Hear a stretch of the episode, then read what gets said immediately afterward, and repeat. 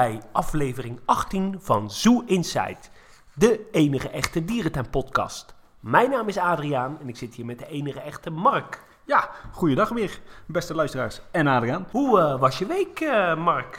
Ja, deze week eh, geen dierentuinen bezocht. Er is gewoon gewerkt. En ik ben wel trouwens richting Schiphol geweest om iemand op te halen. En toen heb ik onderweg een hele toffe uitzending van Teamtalk beluisterd. Waarin ze een eh, bezoekje brachten aan Animal Kingdom. En dat is echt, echt super gaaf om te, terug te luisteren. Ja, Echt was, aanrader. Ja, was eh, super gaaf. Ik heb hem trouwens ook eh, gehoord. Ging wel vooral over de eh, attractiebeleving en zo. Want er was ook nog een hele gave podcast van Details.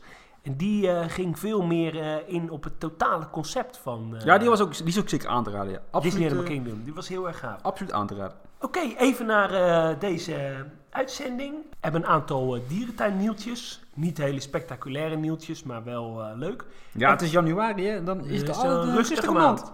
Dus eigenlijk een beetje komkommertijd voor, de, Precies. voor het dierentuinnieuws. Ik heb ook dan ook wel wat komkommer nieuws. En vervolgens hebben we een heel leuk gesprek eh, gehad met architecten van eh, Linehouse eh, Architects. En daarin gaan we het hebben over nou ja, dierentuinarchitectuur. Maar eerst eh, de nieuwtjes. Ik heb nieuws uit Artis. De uilenruïne is daar leeggehaald voor de aankomende renovatie en vernieuwing. De oes die gaan eh, vergoed eh, uit de collectie. De sneeuwuilen zitten nu tijdelijk in een buitenverrière bij het vogelhuis. En na de renovatie keren de sneeuwuilen dan terug en komen er kraanvogels. En dan komen denk ik die kraanvogels in het slochtgrachtje wat aan de achterkant van, het, eh, van de ruïne ligt. Dat is nu een beetje overhoekend, dus dat zal dan wel weer zichtbaar eh, gemaakt worden. Een grappig detail, de in 1921 geopende uilenruïne is nog gebouwd met bouwresten van het voormalige kasteel Brederode bij Bloemendaal. Leuk, dat wist ik niet. Ik vind het trouwens wel altijd een heel sfeervolle ruïne. En ik heb wel wat met eh uilenruïnes. Ik vind die, nou in Avifauna vind ik heel erg mooi. En vroeger hadden ze er ook nog eentje in Emmen, weet je dat? Ja, dat klopt nog. Wat, daar is later toen dat Wild West eh, gebied geopend. Die van Walsrode, die ruïne, die is ook Ja, die is heel mooi. Die is eh, gemaakt trouwens Ja, door eh Dan Pulman. Hè? En iets dichterbij, die in Keulen is ook wel aan te raden. Ja, die is ook mooi. hey, nieuws uit eh Aqua Zoo. Ze gaan dit jaar toch nog iets vernieuwen. Er komt een eh pelikanenfoyer. Leuk. Dus, Toegankelijk? Dat weet ik niet, maar eh, ja, het is ook nog een beetje onder voorbehoud. Maar eh, ja, niet heel spectaculair. Maar er gaat dus toch eh, iets gebeuren. Nou, dat is leuk om te horen. We hebben al eerder verteld dat Dierenrijk neushoorns gaat krijgen, Indische neushoorns. En er zijn wat meer details over bekend. De bouw gaat begin half februari van start. De wasbegonnen en deel van de wilde zwijnenperken gaan weg. Komen de rendieren voor eh, terug. Vind ik een beetje onzinnig eigenlijk, rendieren. Maar goed. En de oerossen gaan ook weg. En die gaan dan nog wel naar de Beekse Bergen. Nou, supermooi hoe eh, Dierenrijk zich zo eh, aan het ontwikkelen is. Hè? Wordt echt een steeds volwassener dierenpark. Ja, qua collectie is het een vrij volledig dierentuintje inmiddels. Ja, even ja, wel dierentuin gerelateerd, maar eh, ook weer eh, niet eh, heel erg. Echt, ben jij wel eens in Center Parks geweest? Nee, nog nooit joh. Nee. Nee, ik ben, ik ben regelmatig daar geweest, ja. Een beetje inmiddels wel gedateerd allemaal daar hoor. Ja, ik moet zeggen dat ik er al in geen eeuwen meer geweest ben. Maar ze gaan daar zo'n 500 miljoen euro investeren de komende tijd. En eh, in twee parken wordt een nieuw dierenparkconcept uitgerold. En daar kunnen gasten straks in een bosrijke omgeving op een natuurlijke manier eh, met dieren omgaan. Dus ik ben wel heel erg eh, benieuwd hoe dat eruit gaat zien. Nou, dat zal dan denk ik vooral het zwijntje hertje zijn. En niet waar ik op een hoop olifanten en neushoorntjes. Nou ja, dat denk ik ook wel. Maar ja, toch wel leuk dat ze een beleving met dieren Nou, doen. is wel een leuke anekdote. Ik ben een paar jaar geleden was ik met het werk in België bij de Vossemeer of zo. Ja, Vossemeer. En toen hadden we daar een bungalow met cliënten eh, gereserveerd. En een van onze cliënten is altijd eh, wat vroeg wakker. Dus ik lag nog op bed. En ik hoorde opeens allemaal meh, meh. Dus ik ging kijken. Stond, dat is geen grap. Er stond, had hij zes eh, schapen binnengehaald. eh. Fantastisch. die liepen daar vrij rond. Ja. Dat was wel even een raar gezicht. En wist je dat in Nederland een van de parken een dierentuinvergunning heeft? ja, welke is dat? Is dat die met die eh tropenhal? Ja, daar bij Nijmegen. Ik kijk even snel. Uh. Dus die mag je meetellen voor de Zoo Bingo. Gaia Zoo is eh, begonnen met het Flamingo verblijf. En dat is erg leuk. Ze maken daar een vlog over. En dat is echt een superleuke ontwikkeling. Dat zouden meer dierentuinen mogen gaan doen. Eh pakken ze echt heel leuk op. En dat doen ze op de plek waar de wilde honden zaten. hè? Ja, inderdaad. Die wilde honden, zoals eerder gezegd, gaan naar het oude verblijf van de cheetahs. Heb ik nog een heel klein nieuwtje uit Ouwans. Daar is het Zeeleeuwentheater sinds het einde van de kerstvakantie dicht. In verband schilderwerken aan, de, aan het bassin. Dus zal wel nieuwe coating geplaatst worden. Jij hebt nog nieuws uit België? Ja, dat klopt. Over eh, 60 dagen gaat eh Paradijsa weer eh, open. Nou, dat is nog eh, twee eh, maanden. Ik zag van de week eh, foto's van het nieuwe koude gebied. En nou, daar moet echt nog wel heel veel eh, gebeuren. Dus eh, ik verwacht niet dat bij seizoensopening het eh, nieuwe koude gebied al eh, klaar zou zijn. Nee, dat zal ook wel gefaseerd, gewoon gerealiseerd gewoon neem ik aan. Ja, het zou me niks verbazen als dat pas eh, van de zomer eh, wordt. Maar het ziet er wel eh, echt heel imposant eh, uit. Ja, ik vind het allemaal inderdaad wel tof, maar op de een of andere manier raakt het me niet. Oh ja, mij wel. Ja, ik vind het een eh, heel spectaculair thema. En ja, Paradijsa kennende zal, zullen ze echt wel een pareltje van maken. Ja, ik heb gewoon niet zoveel met paradijs. Het is echt prachtig, maar het is niet mijn tuin op de een of andere Ja, mijn, mijn tuin wel. manier. Ja, ja, je droomt erover. Ik heb ook nog een nieuwtje uit Plankendaal. Daar zijn ze bezig met een eh, nieuw masterplan. Eh, er zijn nog geen eh, details eh, over bekend. Maar ja, de aandacht zal de komende jaren echt naar Plankendaal ook uitgaan. En daar worden nog veel vernieuwingen verwacht. Je kunt er verder nog niet over vertellen, want ik Nee, heb er nee, eigenlijk ook helemaal nog niks over gehoord. nee, ik ook niet. Meer details heb ik niet. Oké. Ondergewaardeerde dierentuin vind ik het wel, Plankendaal. We hebben nog een aantal reacties van luisteraars gehad. Hè? Een reactie van een eh, Jordi Spijkers. Spijker, zo heet mijn vrouw ook toevallig. Oh, hallo mannen. Ik luister elke week trouw naar jullie podcast. Ik heb erg hard moeten lachen om het grapje van de vissende rat. Nou, wat leuk. Vies en een rat. Ik... In de vorige aflevering. Ja, Ja, wat is dat mee? in het nachtdierenhuis. Oh, dat. Ja, dat was Ik eh, een- hilarisch. Ik heb een stelling voor jullie. Zonder explosieve groei van Paradijsa was er in Antwerpen vrij weinig gebeurd. Eens of oneens? Nou, daar ben ik het absoluut wel mee eens. Jij niet dan? Eh, ja, ik ben het daar ook wel eh, mee eens. Ik denk echt dat door de ja, explosieve vernieuwingsdrang van eh Paradijsa het niveau in België echt omhoog is getrokken. En dat zie je overal in terug. Dat zie je in Antwerpen, Plankendaal, die nou, jaarlijks vele miljoenen investeren, ontzettend goed bezig zijn. Maar ja, ook op kleine schaal een eh Monde Sauvage die steeds professioneler wordt. Die professionalisering van Monde Savage, dat is ik meer vanuit de JASA dan dat Ja, het concurrentiestrijd is, met is Paradijs hoor. Ja, ik ben inderdaad ook wel van mening, zonder, zonder Paradijs was het in Antwerpen nu niet zo snel gegaan als dat, we, als dat nu eh, het geval is. Ja, en daarom eh, zie je dat de concurrentie echt alleen maar goed is voor de dierentuinwereld. Ja, inderdaad. En daarom denk ik ook dat Plankendaal nu dat hè, eh, speelkarakter mede heeft gekregen door de komst van Paradijs. hè. Anders was die tuin denk ik ook nog niet zo sterk geëvalueerd. Nee, dat klopt. Ja. Maar goed, dat is allemaal speculatief, hè? dat is maar gewoon onze mening. Ja, dan nog een mailtje van Linda Ruiters. Hoi hoi. Afgelopen zomer waren wij op vakantie in de Eifel, waar wij toevallig Wildpark Down bezochten. Verrassend was dat.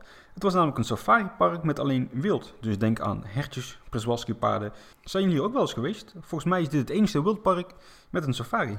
Ben jij daar geweest? Nee, ik ben er eh, eerlijk gezegd eh, nog nooit geweest. Ik ben niet zo eh, van de wildparkjes. Nou, ik ben er wel geweest. Dat was echt ook weer voor de Zoo Bingo. En ik vond het dan niet zo heel erg leuk. Ik denk iets minder leuk als Linda.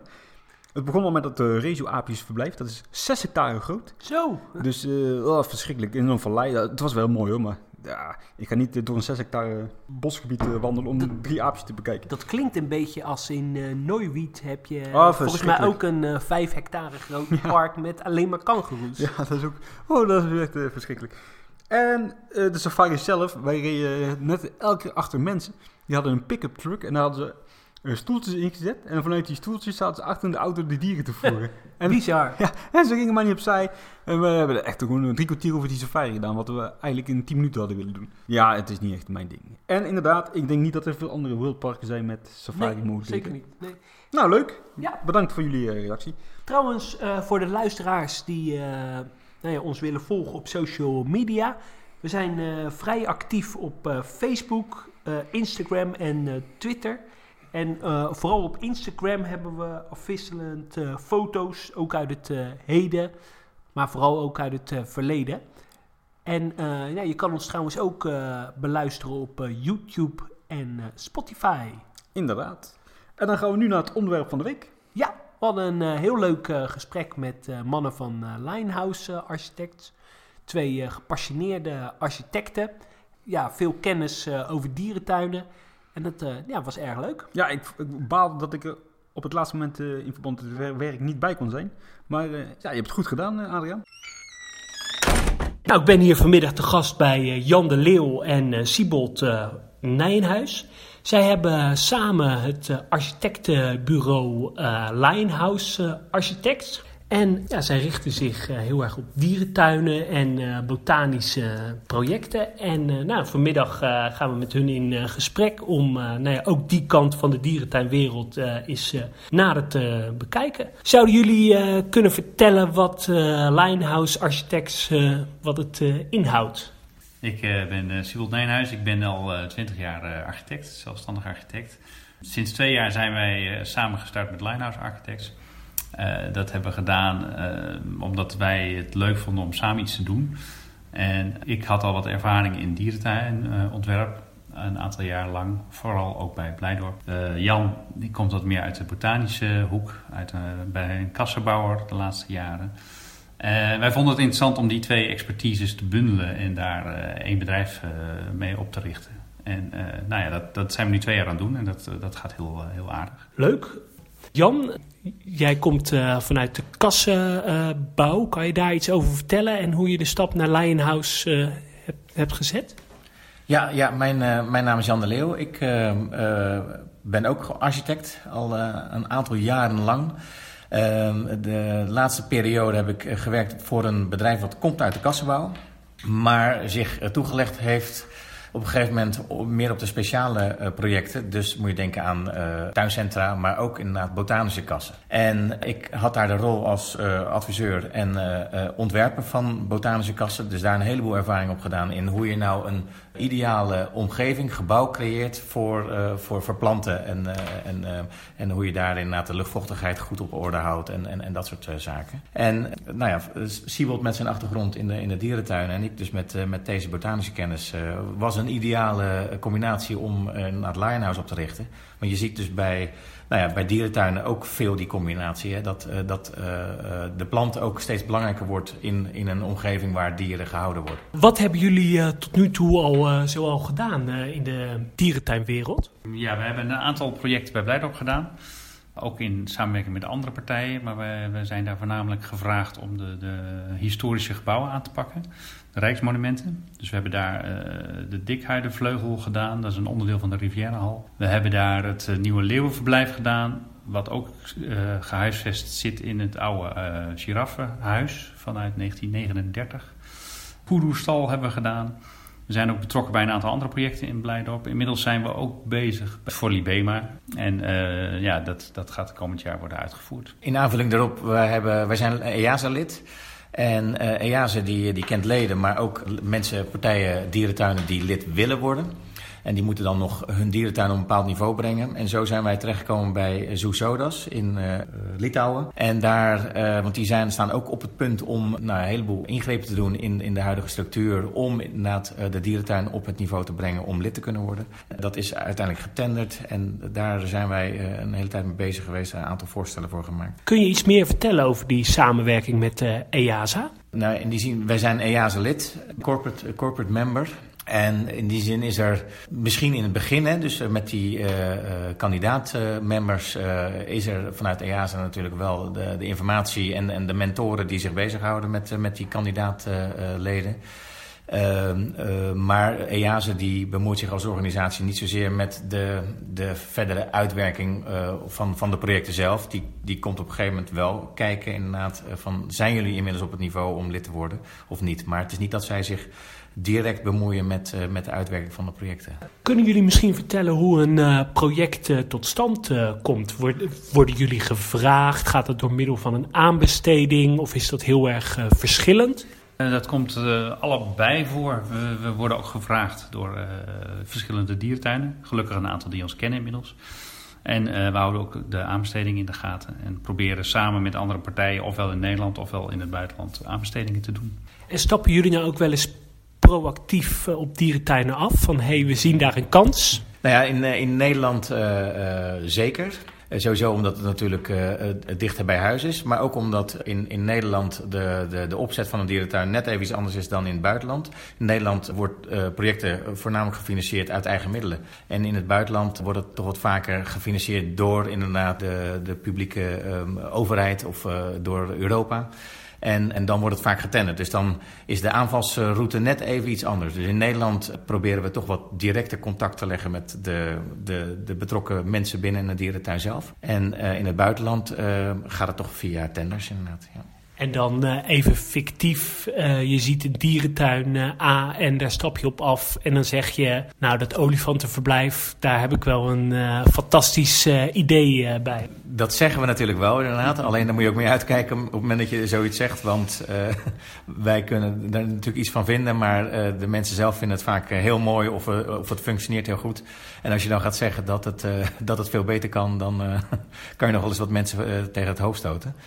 Maar uh, nee, ja, we proberen uh, eigenlijk gewoon binnen te komen. Uh, sowieso zijn we natuurlijk geïnteresseerd in, in wat er in een dierentuin gebeurt en zien we het graag. En houden we graag contact met mensen daar. En mocht er dan een project naar voren komen, dan bellen we daar zelf even over. Of wij worden dan door hun zelf gebeld van, joh, kunnen jullie eens meedenken inderdaad. Wat zou uh, voor jullie nou echt een, uh, een droomproject zijn uh, om, om te doen? Dat mag echt iets bestaans zijn, maar dat kan ook iets fictiefs zijn. Ja, ehm, ik zou het wel heel leuk vinden om een, een, keer een hele grote oceanium te, te, kunnen ontwerpen, of een aquarium. met name zeg maar, de complexiteit en het idee dat je, dat je binnen bent en dat je toch onder, ondergedompeld wordt, in dit geval letterlijk in een, in een andere wereld. En de techniek die daarbij komt kijken. We hebben al een keer een, een, ja, een soort van aquariumgebouw mogen ontwerpen. Dat is helaas niet uitgevoerd. Dus echt, echt iets ingebed in, in een soort context. En daar een heel mooi gebouw voor ontwerpen. Dat, dat lijkt me wel echt een uitdaging.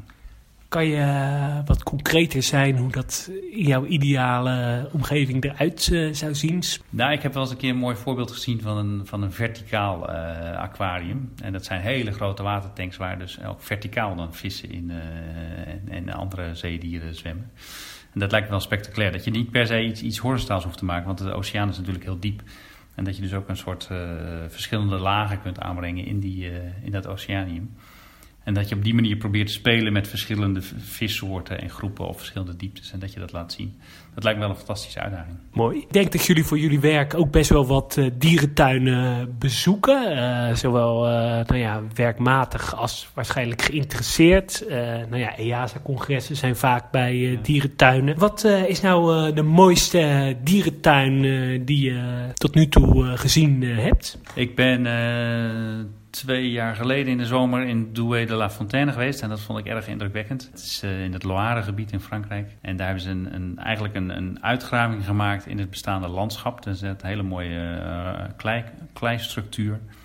En wat ze daar gedaan hebben, is dat ze voornamelijk de, de, de verblijven hebben uitgegraven in de grond.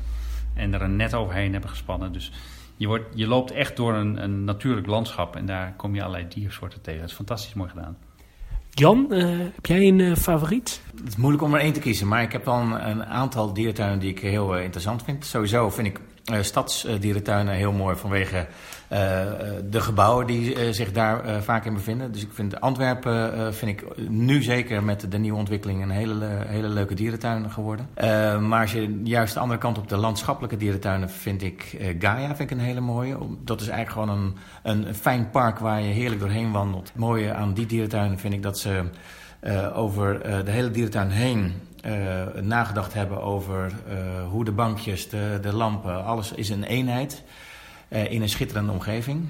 Um, ze hebben overal dezelfde materialisatie toegepast en dat hebben ze heel consequent gedaan bij Gaia. Dus dat is echt goed gedaan. En dat zie je vaak dat daar no nog niet goed genoeg over nagedacht wordt, vind ik, bij veel dierentuinen. En dat is daar echt goed gelukt. Uh, oh ja, ik, ik, weet er nog wel een. Colchester Zoo vind ik een, vind ik een heel leuk voorbeeld. Nu, die hebben natuurlijk ook uitbreidingsplannen. Uh, maar het, het, leuke aan de huidige dierentuin is dat ze dus op een relatief klein oppervlak een heel compacte route hebben weten te maken. En, en daardoor toch een, een, een heleboel beleving hebben weten te creëren. Uh, je gaat daar over en onderdoor. En, uh, en, en het is iedere keer verrassend. Terwijl je eigenlijk uh, iedere keer de, dezelfde plek kruist waar je al eerder geweest bent. Zonder dat je het door hebt. Dus dat vind ik ook wel leuk. Niet te veel glas en hout? Uh, nou ja, goed, daar uh, valt altijd over te twisten natuurlijk. Maar ik vind de, de opzet vind ik daar heel, heel leuk ge, ge, geslaagd. Ja, een goed voorbeeld van om toch een, een, een heleboel beleving te creëren op een klein uh, oppervlak.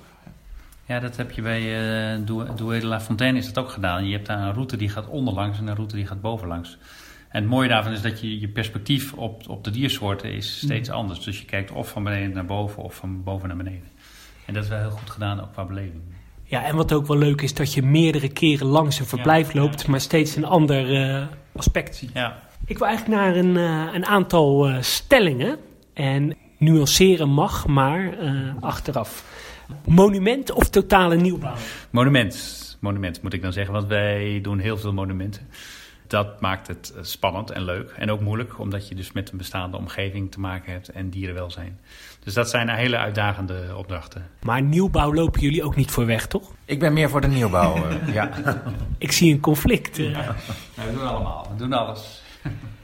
Uh, de volgende stelling, dierzichtbaarheid of dierwelzijn? Nuanceren mag later, je moet een keuze maken. Dierenwelzijn, ja, zeker. En waarom? Um, nou ja, uiteindelijk gaat het natuurlijk om het dier. En je bent als mens ben je, ben je bezoeker. En uh, moet je jezelf gelukkig prijzen als je het dier spot. Uh, en dan uh, vind ik het ook juist fijner op het moment dat je een dier spot... dat je hem plezier ziet hebben in zijn, in zijn omgeving... in plaats van dat hij dus zo tentoongesteld wordt. De volgende stelling. Een rijksmonument. Is dat voor een dierentuin een zegen of een blok aan het been? Als ik primair moet reageren zou ik zeggen, het is een blok aan het been. Maar het biedt ook heel veel kansen. Kan je wat zeggen over die kansen? Uh, nou, het, het, is een, het is een historische context waar je gebruik van kunt maken. En het geeft ook identiteit aan een dierentuin. Dus ik, ja, we kennen dan de, de, de situatie bij Blijdorp. Lang, lang, werd dat gezien als, als moeilijk. En dat ze niet zo goed wisten hoe ze met die gebouwen om uh, moesten gaan. Inmiddels is dat omge, omgeturnd. En uh, hebben ze dat doorontwikkeld. Dan hebben ze eigenlijk die gebouwen weer opnieuw, opnieuw omarmd. En gezorgd dat ze er weer heel mooi uitzien en goed functioneren. En dat er ook dieren in zitten die, die passen bij de schaal en de maat van de gebouwen. En dan zie je dus dat het echt een soort laag is die, die een soort toegevoegde waarde biedt aan, de, aan deze dierentuin. Ja, en ook een bepaalde sfeer, hè? En ook een bepaalde sfeer meegeeft, ja zeker. Je kan je inderdaad met die gebouwen waar je dan toch maar zit ook onderscheiden van andere dierentuinen. Je ziet natuurlijk toch veel dat dierentuinen een beetje dezelfde kant op bewegen. En juist met dat erfgoed wat je hebt, kan je uh, nou ja, uh, iets anders zijn dan, dan een andere dierentuin. Volgende stelling, en het is een echt uh, nou ja, inside architectenstelling. Je kan kiezen tussen architect Rasbach of Den Pulman. Ehm, dan kies ik toch voor Dan Perlman. Ik vind wat zij doen heel erg uh, goed, omdat ze, omdat ze de, de, thematische, thematisering heel erg ver doorvoeren in hun architectuur. Dat, dat maken ze echt een soort compleet uh, verhaal van. En dat, bij heel veel dierentuinen is dat ook zeker op, op zijn plaats. Dus dat doen ze heel goed. Ja, als ik uh, zou zeggen, waar willen we als Lionhouse naartoe, dan neig ik toch meer naar Dan Perlman inderdaad. Dan sluit ik me bij Siebold aan. We gaan door naar de volgende stelling.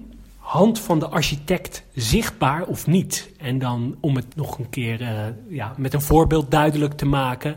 Een dierentuin zoals Wildlens in Emmen. Of een dierentuin zoals Antwerpen. Ja, wij zijn architecten, dus wij, wij, gaan daar niet, wij gaan dat niet uit de weg. En we zoeken het ook niet op, maar ik, ik ben wel voor uh, krachtige architectuur. En niet van een soort, uh, nou ja, een kopie van, van een andere situatie proberen te maken. Dus ik, ik zou het heel mooi vinden als het kan in dierentuin iets te maken wat, wat heel, uh, nou ja, goed past. En, en dus ook de hand van de architect laat zien.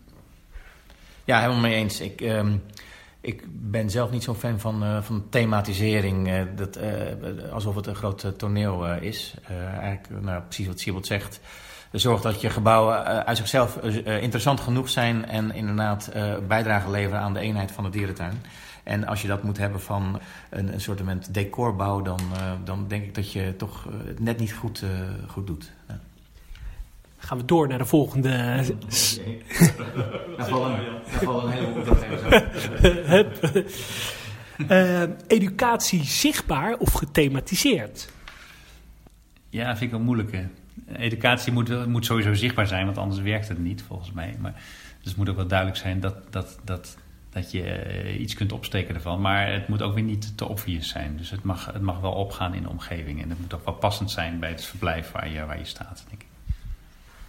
Ik vind het uh, interessant op het moment dat je uh, nou, laat zien wat je qua verhaal kan vertellen. En, en dus het educatieve aspect vind ik erg belangrijk. En dan mag je ook laten zien uh, hoe het werkt om een dierentuin te zijn. Dus uh, niet eens zozeer waar komt het, uh, het, dier vandaan, maar meer wat, wat houdt het in om een dier te houden? Waar, hebben we, hoeveel eet hij?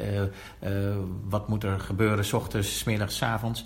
En dan vind ik het wel leuk. bijvoorbeeld in Emmen zijn wij achter de schermen geweest. En dat was eigenlijk wellicht interessanter dan de, de, de, thematische omgeving die ze je willen geven.